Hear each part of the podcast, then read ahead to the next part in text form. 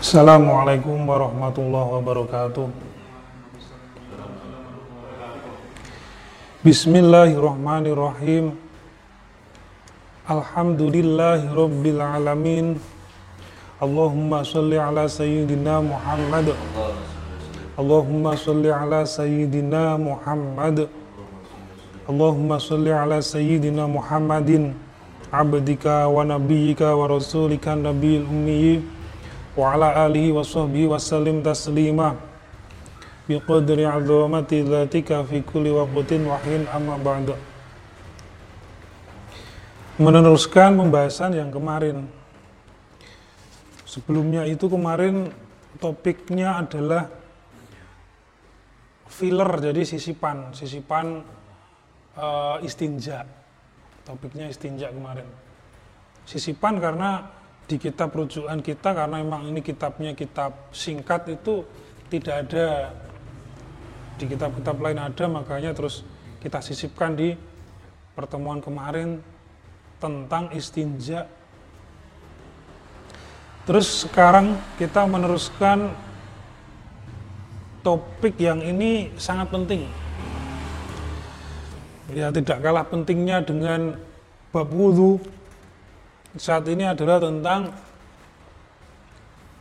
al-huslu atau mandi besar Huslu di sini adalah mandi yang dimaksud ya mandi besar. Bismillahirrahmanirrahim. Arafta fit darsil madhi annal wudu'a wasilatun min wasaili tuharah wa hunaka wasilatun thaniyatun wa hiya al-ghuslu. Engkau telah mengetahui di pelajaran yang terdahulu bahwa wudhu adalah salah satu dari beberapa wasilah bersuci adalah salah satu cara untuk bersuci ya dan saat ini yang akan kita bahas adalah wasilatun faniyatun wasilah cara bersuci yang kedua wahya al yaitu adalah mandi besar kemarin itu ketika di awal adalah mandi itu uh, toharoh itu ada empat. Yang pertama adalah wudhu, yang kedua adalah al-ghuslu, mandi besar, yang ketiga adalah tayamum, kemudian yang keempat adalah izalatun najasah, menghilangkan najis. Nanti ada kita bahas juga tentang izalatun najasah, menghilangkan najis. Saat ini adalah al-ghuslu, mandi yang dimaksud adalah mandi besar. Apa itu mandi besar yang dimaksud di sini? Wal huslu, wal huslu yang dimaksud dengan mandi besar adalah huwa sayalanul ma'i ala jami'il badani biniyatin maksusatin. Ya. Mandi besar yang dimaksud di sini adalah sayalanul ma'i itu mengalirkan air ke seluruh tubuh dengan maksud tertentu. Maksudnya ya dirofil hadasil akbari untuk menghilangkan hadis hadas besar. Wa kathirun minat talamili yagdasiluna subahan au masaan litanzifi ajsamihim walakinna hadzal ghusla laisa biwajibin mayoritas talamid murid siswa mayoritas dari kita itu mandi pada waktu pagi dan sore untuk membersihkan badan. Walakin hadal ghusla laisa biwajibin, tetapi mandi kita di pagi ataupun sore itu bukan mandi wajib. Wahunaka huslun wajibun. Dan yang kita bahas di sini mandi besar ini adalah mandi wajib. Maka biasanya istilah mandi besar itu ada beberapa. Kalau orang Indonesia menyebutnya mandi wajib karena memang hukumnya wajib atau mandi besar karena untuk menghilangkan hadas besar atau mandinya mandi janabah karena menghilangkan status kejunubannya status janabahnya. Tuh. Wahwa idza wujidat al asya al mujibah lil ghusli mandi wajib ini itu ya ketika ada suatu hal yang mewajibkan untuk mandi. Jadi ada hal-hal yang memang harus uh, mandi besar. Nah apa saja? Al asya'u al mujibatu lil ghusli sekarang adalah hal-hal yang mewajibkan untuk mandi besar belum masuk ke tata cara masih ke hal-hal yang mewajibkan mandi besar. Kapan kita wajib mandi besar? Sebabnya apa? Wal asya'u allati yajibu bisababihal ghuslu sitatun. Hal-hal yang menyebabkan wajib untuk mandi besar itu ada enam. Ada enam. Yang pertama adalah yang pertama adalah ini pembahasan fikih, jadi uh, istilahnya jelas gitu, tidak ada yang ditutup-tutupi biar paham semua. Gitu. Yang pertama yang mewajibkan untuk mandi besar adalah al-jima'u. Al-jima'u, jima. Tahu jima enggak? Tahu jima kan ya?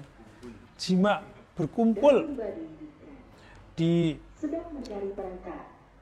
bahasa terjemahan itu biasanya berkumpul berkumpul al-jima'u wahada lizaujani adatan dan ini biasanya untuk suami istri nah nih ini nanti ada banyak catatan penting di sini ada banyak catatan penting di sini.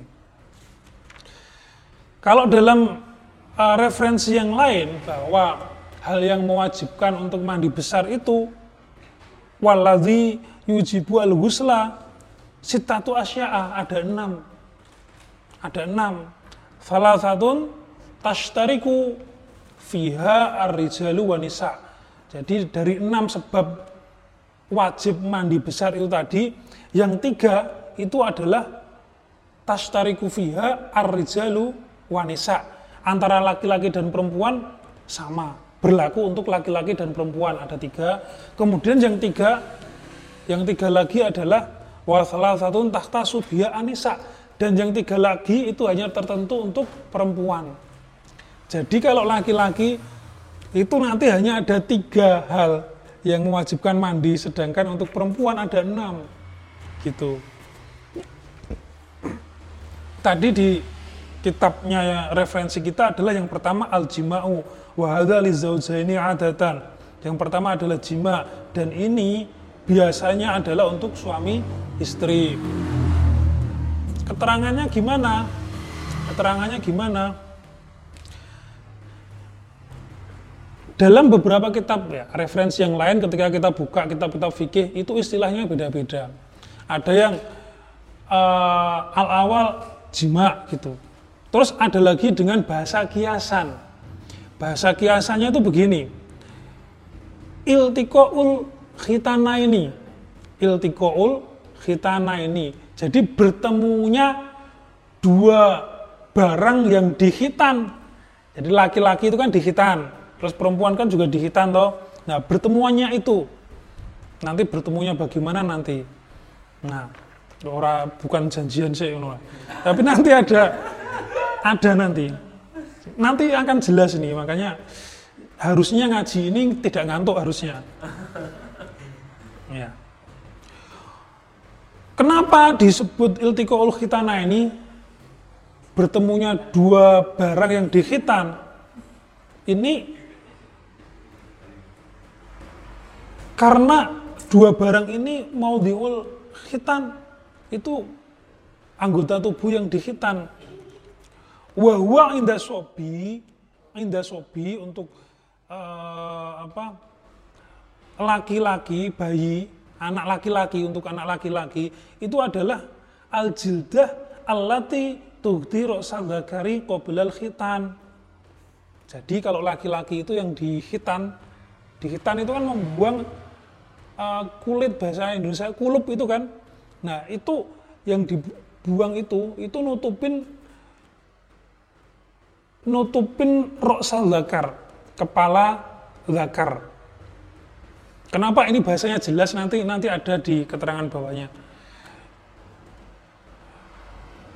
Al jildah, al jildah itu kulit. Al jildah itu adalah kulit. Ini tulisannya kalau dari segi tulisan sama dengan jaldah. Tapi nek diwaca jaldah itu nanti artinya tadi ini cambuan kan. Tadi ini cambuan jaldah. Jadi di sini ada paling tidak ada dua tulisan yang bisa dibaca dengan bacaan yang berbeda. Jildah, jaldah. Kemudian zakar dan zikir. Roksal zikri, tidak jadi orang tadi. Roksal zakari. Nah, itu hitannya laki-laki itu membuang kulit yang menutup uh, kepalanya itu. Nah, kalau dal unsa dan bagi perempuan adalah jildatun fi a'lal kubul mujawarotan lima khrojil baul. Jadi adalah uh, jilda juga, kulit juga, kulit ada di sisi atas kubul, sisi atas kubul yang mujawaroh itu tetanggaan jejeran, jejeran dengan lubang keluarnya pipis. Di atasnya. Lubang keluarnya pipis nah itu di atasnya. Itu yang dihitan kalau perempuan. Kalau perempuan di situ. Nah dua dua organ ini ketemu. Berarti kan itu bagian dalam kan? Kalau kalau yang perempuan kan bagian dalam ya kalau yang laki-laki ya itunya itu bertemunya berarti maaf ya bahasanya itu berarti melebu karena orang lebura ketemu karena yang dihitan untuk perempuan itu kan di dalam. Nek nempelnya itu itu or tidak mandi wajib. Menempel tok yo, kecuali nempel terus metu. Nah, iku sing lanang. Ya. Ya. Jadi keterangan iltiqaul khitana ini itu adalah karena posisi yang perempuan yang dihitan adalah di dalam, ketemunya ya berarti di dalam tidak di luar. Memang yang luar tidak masuk di iltiqaul khitana ini. Gitu. Wal muradu ya, yang dimaksud biltiqaul khitana ini itu apa? Yang dimasuk wahwa kinayah anil jima. Ini adalah kinayah uh, kiasan. Kiasan untuk nyebut jima gitu. Rawa al Bukhari wa Muslim an Abi Hurairah radhiyallahu anhu an Nabi sallallahu alaihi wasallam qala Idza jalasa baina syu'abiha al arba thumma jahadaha faqad wajaba alaihi al ghuslu wa fi riwayatin muslim wa ilam yunzil. Nah Idza jalasa baina syu'abihal arba thumma jahadaha faqad wajaba alaihil huslu. Ketika laki-laki itu ada maaf ya di atas empat ada di atas uh, empat ros. Ros itu ruas ruas tulangnya perempuan. Jadi dua paha dua betis ada di situ terus menjimak perempuan maka wajib alaihi al huslu ini untuk uh, dasarnya. Wajib oleh lusun dia wajib untuk mandi. Kemudian dalam riwayatnya Imam Muslim, wa ilam yunzil meskipun jadi posisi sudah ketemu di dalam, meskipun tidak keluar. Tidak keluar mani. Itu tetap. Karena wis ketemu, kecuali neng jobo keluar kecuali di luar. Nah, di luar tapi ketemu anu keluar. Di luar tapi keluar ininya apa maninya itu mandi. Kecuali di luar dan tidak keluar maninya. Nah jelas kan? Gitu. Wal hadithu dalilun ala wujubil husli bimujarrotil jima'i dan hadis di atas itu adalah dalil atas wajibnya mandi hanya dengan sebab jima saja. Wa ilam yunzil meskipun tidak keluar, meskipun tidak keluar.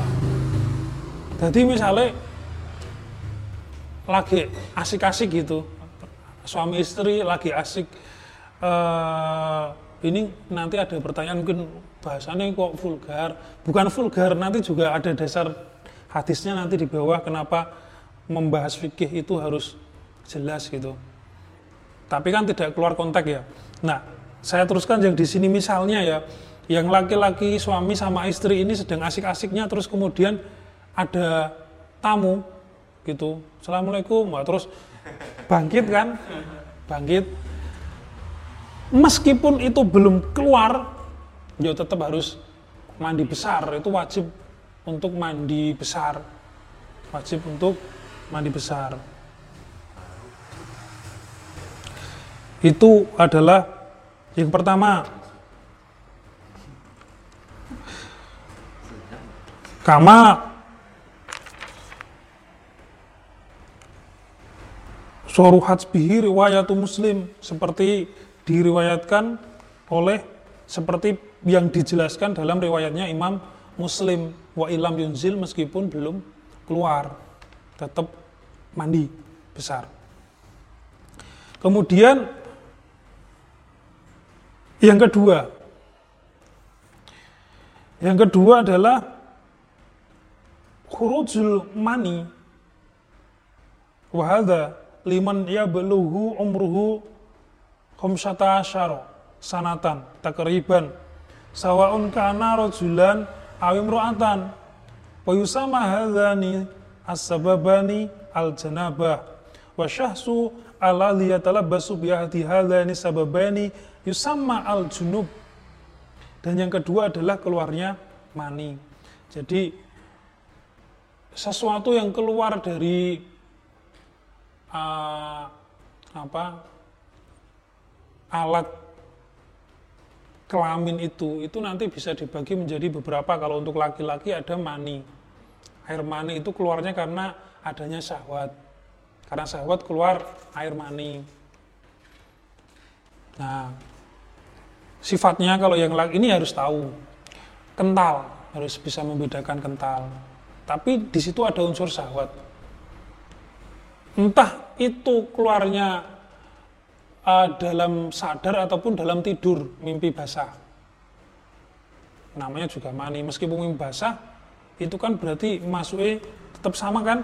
Khurujul mani, keluarnya mani, entah itu tidur ataupun dalam uh, ya kalau sadar. Terus yang kedua itu ada sebelum keluar mani itu ada madhi. Madhi nek keluar madhi itu maka tidak ma, tidak wajib mandi wajib madhi madhi itu sebelum keluarnya sperma itu loh mani. Jadi dia yang bahasanya biologi itu adalah lubrikan pelumas pelumasi itu secara biologis. Nah terus kemudian ada lagi wadhi wadhi itu seperti misalnya ini kecapean. Kecapean tuh gimana terus sampai pipis itu kan ada. Kecapean sampai pipis. Tidur kecapean tidur keluar pipis. Wali. Jadi ada tiga macam. Nah yang mewajibkan menjadi hal yang bisa mewajibkan untuk mandi besar adalah hurujul mani. Wahada liman ya beluhu umruhu khamsata asyara sanatan.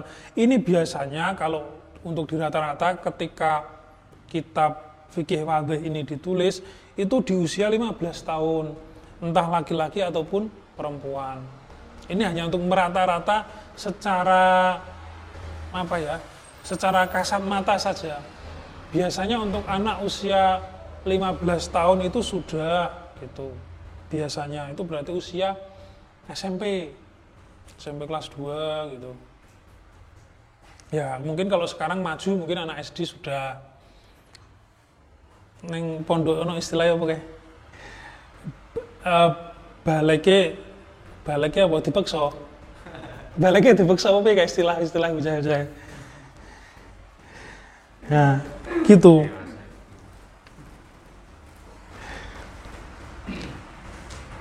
Wa yusama hadani sababani al janabah. Jadi sebab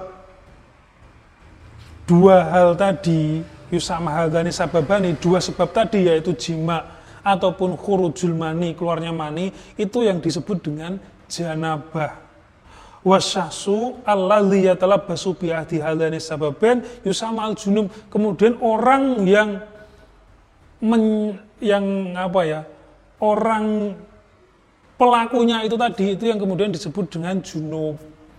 Ada istilah janabah. Janabah itu dua sebab tadi. Itu namanya janabah yaitu jima dan uh, khurujul mani itu janabah. Terus orangnya disebut junub. Istilah Rawahu al-Bukhari wa Muslim an Ummu Salamah radhiyallahu anha qalat ada hadis yang diriwayatkan oleh Imam Bukhari dan Imam Muslim. An Ummi Salamah dari Ummu Salamah radhiyallahu anha qalat Ja'at Ummu Sulaim. Ummu Sulaim itu uh, beliau punya kisah kehidupan yang apa istilahnya ya semacam ini loh. Imannya itu sekeras baja gitu. Wanita imannya yang sekeras baja itu salah satunya Ummu Sulaim. Jadi dulu Ummu Sulaim ini, Ummu Sulaim memiliki suami, beliau memiliki, memiliki suami namanya Malik, Pak Malik. Pak Malik ini, ya kalau dalam bahasa kita, kafir, bahasa kita, itu kafir, Pak Malik itu. Sedangkan Ummu Sulaim itu mengimani Rasulullah, mengimani Rasulullah. Dan ketika itu ya berdua ini Ummu Sulaim itu sudah beriman dan Pak Maliknya itu kafir. Punya anak laki-laki namanya Anas. Kemudian kita mengenalnya dengan Anas bin Malik. Jadi Imam Anas bin Malik itu dari dua ini putranya Pak Malik dan Ummu Sulaim. Anas bin Malik, gurunya Imam Syafi'i, gurunya Imam Hanafi. Jadi pinter banget masalah agama ini masalah agama itu sangat sangat jenius. Sangat jenius. Nah, ibunya ketika mengajari Anas bin Malik putranya itu syahadat, itu dimarahi sama Pak Malik yang kafir itu. Kamu jangan ini bahasa kita, bahasa kita menyebut Pak Malik itu kafir. Nah, tidak boleh seperti itu. Kamu jangan menyesatkan anak saya gitu. Terus dijawab sama Ummu Sulaim, saya tidak sedang menyesatkan, saya sedang mengajari anak saya. Mengajari untuk bertauhid. Hal itu berlangsung lama, memanas sampai kemudian diancam oleh Pak Malik, kalau kamu masih seperti ini, saya akan pergi dari rumah. Saya akan pergi dari rumah. Karena memang kebulatan imam iman dari Ummu Sulaim, Pak Malik ini benar-benar keluar dari rumah dan dikabarkan, itu kan nggak tahu ke mana, tapi dikabarkan dalam perjalanan ketika jaraknya sudah jauh, itu dibunuh oleh musuh beliau. Dibunuh oleh musuh beliau. Pak Maliknya. Kemudian Ummu Sulaimnya Artinya di situ uh, sudah tidak ada tekanan ataupun ancaman dari Pak Malik lagi. Itu dilamar oleh Abu Tolha. Abu Tolha ketika itu juga belum muslim. Hanya saja Abu Tolha ini terpandang di Madinah. Di Madinah terpandang kaya, punya kebun kurma. Kebun kurmanya itu ada di area depan Masjid Nabawi kebun kurma orangnya kaya luas gitu ini yang kebunnya nah itu melamar Ummu Sulaim Ummu Sulaim tidak mau Kenapa? Nah, saya itu kemarin rela ditinggalkan orang kafir, sekarang mau dilamar orang kafir ya nggak akan saya terima. Hal itu berlangsung lama PDKT-nya sampai kemudian Abu Tolhah yang melamar itu itu uh, masuk Islam dan menyatakan begini, saya menikahi Ummu Sulaim dengan mahar keislaman saya. Keren ya. Nah, so, para kesaksiannya para sahabat adalah saya belum pernah melihat mahar yang paling mahal daripada mahar yang disampaikan Abu Tolha oleh Ummu Sulaim karena maharnya adalah keislaman dia. Akhirnya Abu Tolha itu benar-benar istiqomah. Istiqomah.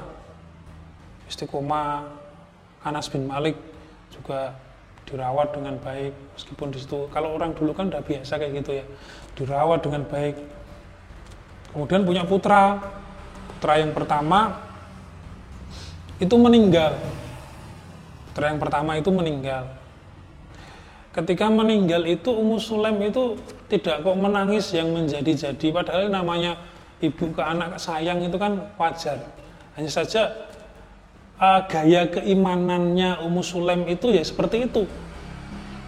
Beliau tidak menangis gaya keimanan setiap orang kan beda-beda. Salah satu gaya keimanannya Ummu Sulaim anaknya meninggal itu tidak menangis. Ini kemudian jangan dipukul rata, kemudian harus tidak menangis orang lain enggak, karena gaya keimanan setiap orang beda-beda. Gayanya Ummu Sulaim seperti itu. Tidak menangis padahal suaminya sedang keluar rumah bepergian. Kalau orang dulu kan dagang orang sana. Soalnya mau nanam singkong di sana nggak bisa tumbuh jadinya berdagang. Berdagang ketika pulang itu bertanya anak saya gimana kabarnya? Karena ketika pergi itu sudah sakit. Sakitnya lama anaknya. Anak saya gimana? Oh udah tenang. Anakmu udah tenang anak kita sudah tenang tidak usah khawatir setelah itu, setelah meyakinkan seperti itu, kemudian ditanya Abu Talha ditanya, seandainya kita itu dipinjami oleh seseorang suatu barang, kemudian yang punya barang itu pengen mengambilnya kembali, itu boleh apa tidak? Kita ridho apa tidak? Oh ya boleh, ya ridho, itu bukan punya kita. Namanya orang dipinjami, sudah dipinjami, Alhamdulillah. Ketika ingin diambil kembali, ya nggak apa-apa ridho karena bukan punya kita. Setelah mendengar jawaban seperti itu, Muslim bilang gini, anak kita sudah diambil oleh Allah. Dengan hal yang seperti ini, Abu Tulha itu bahasanya gini, tidak setegar Ummu Sulaim, goncang, goncang. goncang, kemudian melipir dari rumah, melipir, sowan yang Rasulullah, ngadu mengadu kepada Rasulullah menceritakan apa yang dialami. Itu malam-malam jadi melipir. Sowan itu niat banget karena malam-malam. Bukan kebetulan bukan apa tapi memang niat malam-malam. Itu terus komentarnya Rasulullah beliau memberikan isyarah bahwa beliau memberikan isyarah bahwa ini apa hubungan antara Ummu Sulaim dan Abu Talha ini sebentar lagi akan memiliki putra lagi, akan memiliki anak lagi. Ternyata benar setelah itu totalnya Abu Talha dan Ummu Sulaim itu punya anak sampai 9. Selain yang meninggal, jadi totalnya itu ada 10. Ummu Sulaim ketambahan Anas bin Malik. Tambahan Anas bin Malik lah itu istiqomah uh, Abu Talha itu. Sampai kemudian ketika turun ayat lan tanalul birra hatta tunfiku mimma tuhibbun. Mimma tuhibbun. Engkau tidak akan mencapai engkau tidak akan mencapai pada keimanan level keimanan yang sempurna sampai kamu bisa berinfak bersedekah yang disedekahkan bukan sembarangan tetapi adalah sesuatu yang engkau cintai engkau sukai lah, ketika itu ketika mendengar yang seperti itu Abu Tullah itu yang beliau rasakan adalah yang paling saya cintai ya kebun saya, kebun kurma saya yang ada di depan Masjid Nabawi. Itu kemudian semuanya diinfakkan. Semuanya kebun kurma itu diinfakkan. Itu dalam rangka menjalankan ayat itu tadi. Lantanalul birro hatta tumfiku mimma tuhibbun. Lah kalau kita yang paling kita senangi apa ya? bisa dikira-kira. Kalau dulu ulama-ulama dulu itu ulama itu kan biasanya jadwalnya setiap hari itu apa? Mengajar kan? Mengajar. Ada ulama itu yang paling disenangi apa? Tahu nggak? Sarung BHS. Itu paling disenangi sarung BHS. Oh, yang lain nggak diurus. Tapi kalau namanya sarung, ya secara harga juga lumayan kan di atas sejuta biasanya gitu. Cara perawatannya juga spesial, tidak boleh kena cahaya matahari langsung. Kemudian tidak disarankan menggunakan deterjen, tapi biasanya pakai leri itu loh, air leri itu spesial. Lah, ulama dulu gitu. Ketika mendengar keterangan itu, ingat itu yang saya sukai apa sarung BAS diberikan diberikan. Ya, itu mencapai pada suatu level keimanan yang sempurna. Susah yang kayak gitu susah.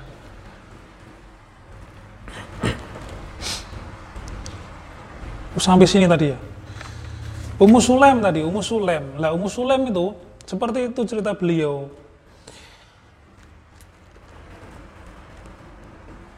Ja'at Ummu Sulaim ila Rasulullah Shallallahu Alaihi Wasallam fakolat. Suatu ketika Ummu Sulaim itu sowan menghadap kepada Rasulullah Shallallahu Alaihi Wasallam fakolat. Nah ini, ya Rasulullah, Inna Allah la yastahi minal haq. Sesungguhnya ini bahasanya ini bahasa ini ya. Bentar, ini akan saya urutkan untuk memahami bahasa-bahasa seperti ini. Ya Rasulullah, inna Allah la yastahi minal haq ketika menghadap Rasulullah, ya Rasulullah, sesungguhnya Allah Ta'ala itu tidak malu dari suatu kebaikan. Apa yang dipahami dari sini?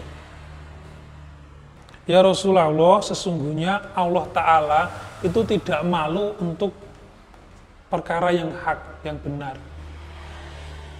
Maksudnya begini, maksudnya beliau ini akan bertanya, hanya saja pertanyaannya ini dalam tanda petik adalah pertanyaan vulgar. Sebelum beliau bertanya untuk hal yang vulgar itu tadi, dalam tanda petik ya, itu beliau sudah memberikan suatu rambu-rambu, pinternya begitu. Sesungguhnya Allah Ta'ala itu tidak malu untuk suatu hal yang benar, saya sebagai hambanya juga begitu, meskipun saya wanita, tapi saya ingin mencari ilmu yang benar, saya ingin mendapatkan informasi yang benar, maka saya tidak malu bertanya gitu loh. Maka saya tidak malu bertanya. Saya tidak malu bertanya. Gitu. Nah, memang pertanyaannya apa? Fahal alal mar'ah min huslin idahiyah talamat Pertanyaan adalah fahal alal mar'ah min husrin idhah talamat. Apakah seorang wanita itu juga wajib mandi besar ketika dia itu bermimpi, ketika dia itu mimpi basah? Ya, maka kenapa uh, pembahasan tentang fikih itu selalu belak-belakan? Ya salah satunya biasanya berdasarkan dari hadis ini. Inna allaha la yastahi minal haq jadi istilah malu itu ketika kita membahas masalah fikih yang itu memang harus jelas, ya memang harus jelas. Tidak malu-malu gitu. Makanya kalau di hasanah pesantren itu kita mengenal kitab kitab vulgar. Ada istilahnya itu kamar santri. Kitab kamar santri. Ada apa? Kamar sutra Islami gitu lah. Ada istilah-istilahnya Wong kudu lijen. kurutul uyun, fatul izar. Oh, itu belah-belahan semua itu. Dan itu biasanya ngajinya itu bulan Ramadan, oh, cocok. Enggak ada yang ngantuk. Bulan Ramadan habis duhur. Oh, enggak ngantuk. Ngaji fatul izar, kurutul uyun karo engko dulijen. Ya itu. Inna allaha la yastahi minal haq. Gusti Allah itu tidak malu untuk menyampaikan kebenaran. Lah saya ingin menanyakan sesuatu, saya nggak malu. Karena ini adalah al-haq, ini adalah kebenaran. Itu. Pertanyaannya tadi, apakah seorang wanita itu juga wajib mandi besar ketika dia itu mimpi basah? Fakola Rasulullah Shallallahu Alaihi Wasallam dijawab oleh Rasulullah, Naam, ya wajib. Idza ra'atil ma' idza antil mak ketika di situ kelihatan ada basahnya, basahnya ini. Pemimpi basah, ono basahnya ada bekasnya jelas. Itu yuk mandi wajib. Perempuan, laki-laki sama nggak ditanyakan lagi. Laki-laki. Ae almani keluar dari perempuan itu tadi ya dalam tanda petik basah-basahnya dari perempuan oh saya bangun tidur oh iya tadi malam saya mimpi ini ada basah-basahnya berarti mandi wajib wajib mandi berarti uh, junub statusnya junub berarti wajib mandi nah auma yang kalau di sini namanya sama di sini namanya juga mani jadi yang keluar di laki-laki itu namanya mani, di yang keluar perempuan juga mani sama kalau di sini. Ai almani. Auma yahruju minal mar'ah halal jima. Yang dimaksud adalah sesuatu yang keluar dari wanita ketika jima bersetubuh. Bersetubuh. Nah, yang dimaksud dengan uh, ihtalamat mimpi Ihtalama kan mimpi ya. Mimpi itu yang mimpi seperti apa? Ihtalamat wanita ini bermimpi, mimpi apa maksudnya? Ro'at finaumiha annaha tujama'u. Dia dalam mimpinya itu dia sedang berjima, sedang dijima. Nah, jelas pembahasan yang seperti ini uh, jelas. Warawa Abu Dawud Nah, sebelum ke hadis berikutnya, ini hadis ini tadi menjadi dalil bahwa keluarnya mani baik itu untuk laki-laki maupun untuk perempuan maka dia wajib untuk mandi besar. Ya kan? Warwa Abu Dawud wa ghairuhu an Aisyah radhiyallahu anha qalat Abu Dawud meriwayatkan dari Ibu Aisyah radhiyallahu anha kolat beliau mengatakan Suila Rasulullah Shallallahu alaihi wasallam anir rajuli yajidu al balala wala yadhkuru ihtilaman ya. Faqala yaktasilu begini Rasulullah ditanya oleh uh, ditanya tentang seorang lelaki. Jadi kasusnya adalah ada lelaki yang ketika apa bangun tidur itu itu ada al balal. Ada al balal itu basah-basah. Balal itu sebenarnya pipis sebenarnya. Coba pipis yang dimaksud di sini ini adalah mani. Ketika bangun tidur itu nggak ingat apakah mimpi jima atau tidak itu nggak ingat tapi yang jelas ada basah-basah mani terus kemudian ditanya apakah mandi wajib apa tidak? Fakola yaktasilu yuk mandi wajib. Keluar mani kok. Entah dia ingat.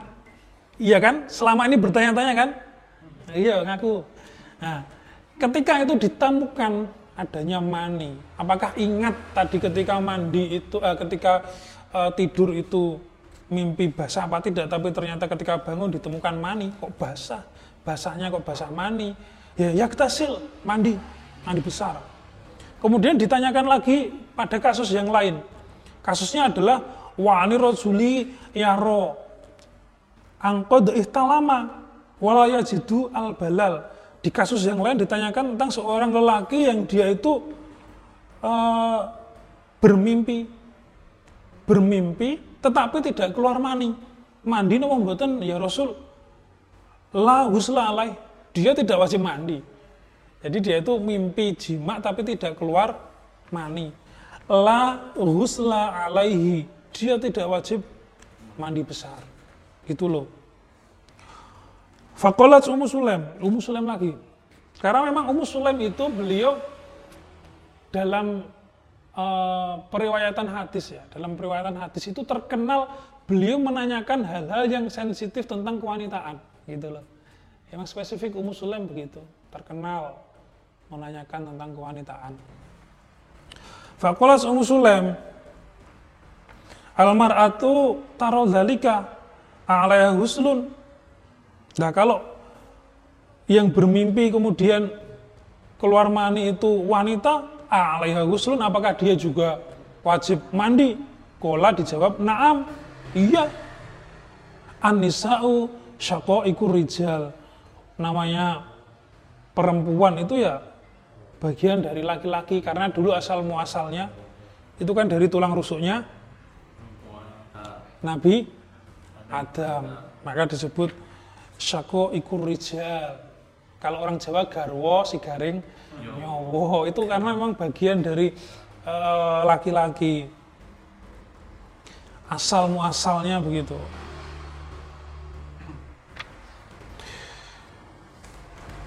udah dapat berapa sebab? Dua, dua sebab. Yang pertama adalah jima, yang kedua adalah bahasanya di sini adalah khurujul mani. Khurujul mani kalau di kitab yang lain ada istilahnya lagi inzalul mani. Inzalul mani. Kemudian yang ketiga, yang ketiga, yang ketiga ini adalah kalau di sini ada langsung ke al haidu haid. Tetapi kalau dalam kitab yang lain ada al mautu dalam kitab yang lain itu ada al mautu mati. Orang mati. Cuma kalau dalam uh, fikih wadih ini tidak disebutkan. Langsung ke al haidu ai ad-damu al kharij minim ru'atin kula syahrin. Head yaitu darah yang keluar dari wanita di setiap bulan. Itu kan ada siklusnya. Nah siklus head sekarang bahas siklus head saya siklus head itu paling cepat berapa lama? Paling cepat secara fikih? Umumnya satu minggu. Umumnya satu minggu Ya, tapi ada dalam uh, dalam kitab-kitab itu disebutkan ada haid itu hanya sehari. Sehari ada dan nifas itu hanya sekali keluar, nggak sampai 40 hari. Begitu uh, bayinya keluar, nifasnya langsung habis.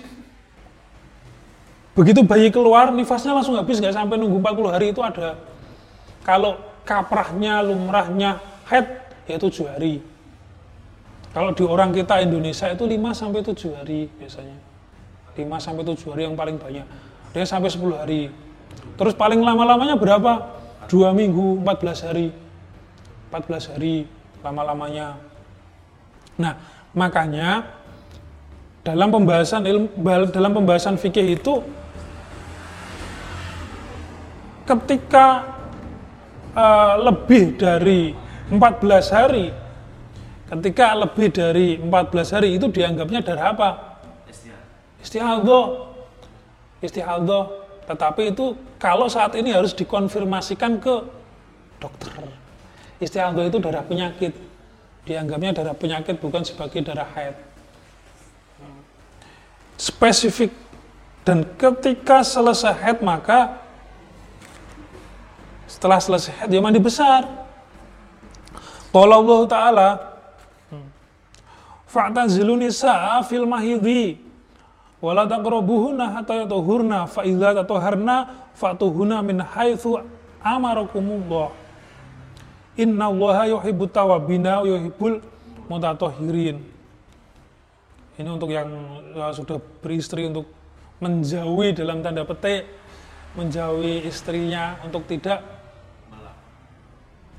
dijima untuk tidak dijima Warwal Bukhari anak Aisyah radhiyallahu anha anna Rasulullah sallallahu alaihi wasallam qala li Fatimah binti Abi Hubesh radhiyallahu anha fa idza aqbalatil haidha fada'a shalah ketika masuk ke siklus haid maka tinggalkan sholat.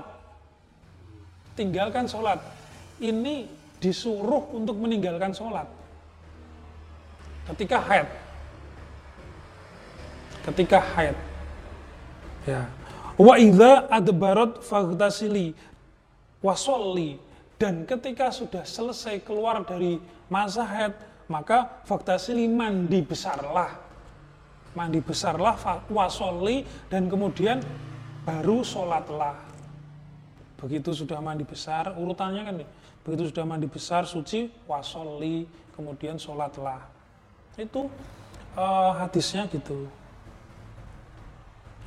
Yang keempat an-nifasu nifas. Wahwa adamu al-kharis akibal wiladah. Nifas ini, darah nifas ini adalah darah yang keluar eh, bersamaan dengan kelahiran itu loh. Yang biasanya setelah bayi keluar itu masih keluar sedikit-sedikit darahnya. Itu biasanya sampai di 40 hari. Ada yang kurang, ada yang hanya begitu bayi keluar itu langsung nggak keluar lagi darahnya. Tapi biasanya itu adalah di kisaran 40 hari atau secara fikih paling lama 60 hari. Itu darah nifas. Nah, dasarnya apa? Kenapa nifas itu apa? menjadi sebab wajibnya mandi. Ini adalah kias. Kalau dalam pembahasan uh, ilmu usul fik ilmu usul fik itu ada uh, dalil syar'i. Dalil syar'i itu ada empat. Dalil syar'i itu ada empat. Atau kalau dalam eh, buku-buku uh, itu biasanya disebutnya sebagai sumber hukum Islam gitu. Itu dalil syar'i nih dalam istilah usul fik itu adalah dalil syar'i sumber hukum Islam itu ada empat. Yang pertama itu kan Al-Quran. Jelas ya Al-Quran. Al-Quran itu sudah sangat jelas nih kalau. Terus yang kedua adalah sunnah. Sunnah. Lah yang ketiga ini adalah ijma yang keempat adalah kias. Nifas ini dikiaskan dengan darah darah apa? Head. Kiasan alal head. Dikiaskan dari darah head. Lianna secara fikih ya, lianna daman nifas damun haidun mutajamiun. Jadi karena itu adalah uh, darah head yang terkumpul, terakumulasi. Selama hamil itu kan darah head nggak keluar kan? Orang hamil itu masih menstruasi apa enggak? Enggak kan? Makanya ada istilah telat tiga bulan kan? Nah, istilah telat tiga bulan ya karena secara fikih itu dipandang darah nifas itu adalah uh, darah menstruasi ya yang nggak keluar terkumpul di situ. Dikiaskan begitu. Ya kias itu kan gini. Uh, dalam nas entah itu Quran ataupun hadis misalnya Homer. Homer itu haram ya? Haram. Nasnya jelas. Terus kemudian uh, beberapa abad kemudian muncul suatu ini apa? Barang yang lain tapi bukan homer. Heroin. Muncul permasalahan heroin itu kemudian halal apa haram? Kalau kita merujuknya di Al-Qur'annya apakah kita akan menemukan dalil heroin? Kan tidak ada. Dalil heroin tidak ada dalil kokain tidak ada dalil pil ekstasi itu tidak ada. Tapi kemudian dalam Homer itu ada suatu ilat ilat hukum. Ilat hukum. Yaitu adalah al-muskir. Punya si Homer itu dia memabukkan. Maka barang-barang yang lain senyawa-senyawa yang lain yang bisa memabukkan itu kemudian dikias. Oh ini karena sama sama-sama muskir bisa memabukkan maka hukumnya juga haram. Kias ya gambarannya seperti itu. Kias. Karena memang tidak ada. Jadi dari uh, apa secara usul fik itu ada kias dan ini salah satu contohnya adalah di sini. Lah kias yang lain misalnya apa? Kalau dalam Quran ada ayatnya Ya ayyuhalladzina amanu idza nudiya lis-shalah min yaumil jumu'ah.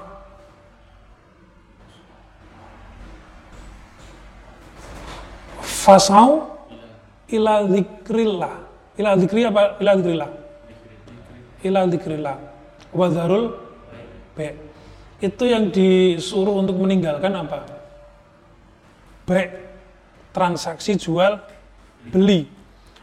Pertanyaannya misalnya kemudian kalau akad sewa gimana? Sama. Dikiaskan di ayat itu, dikiaskan dengan B.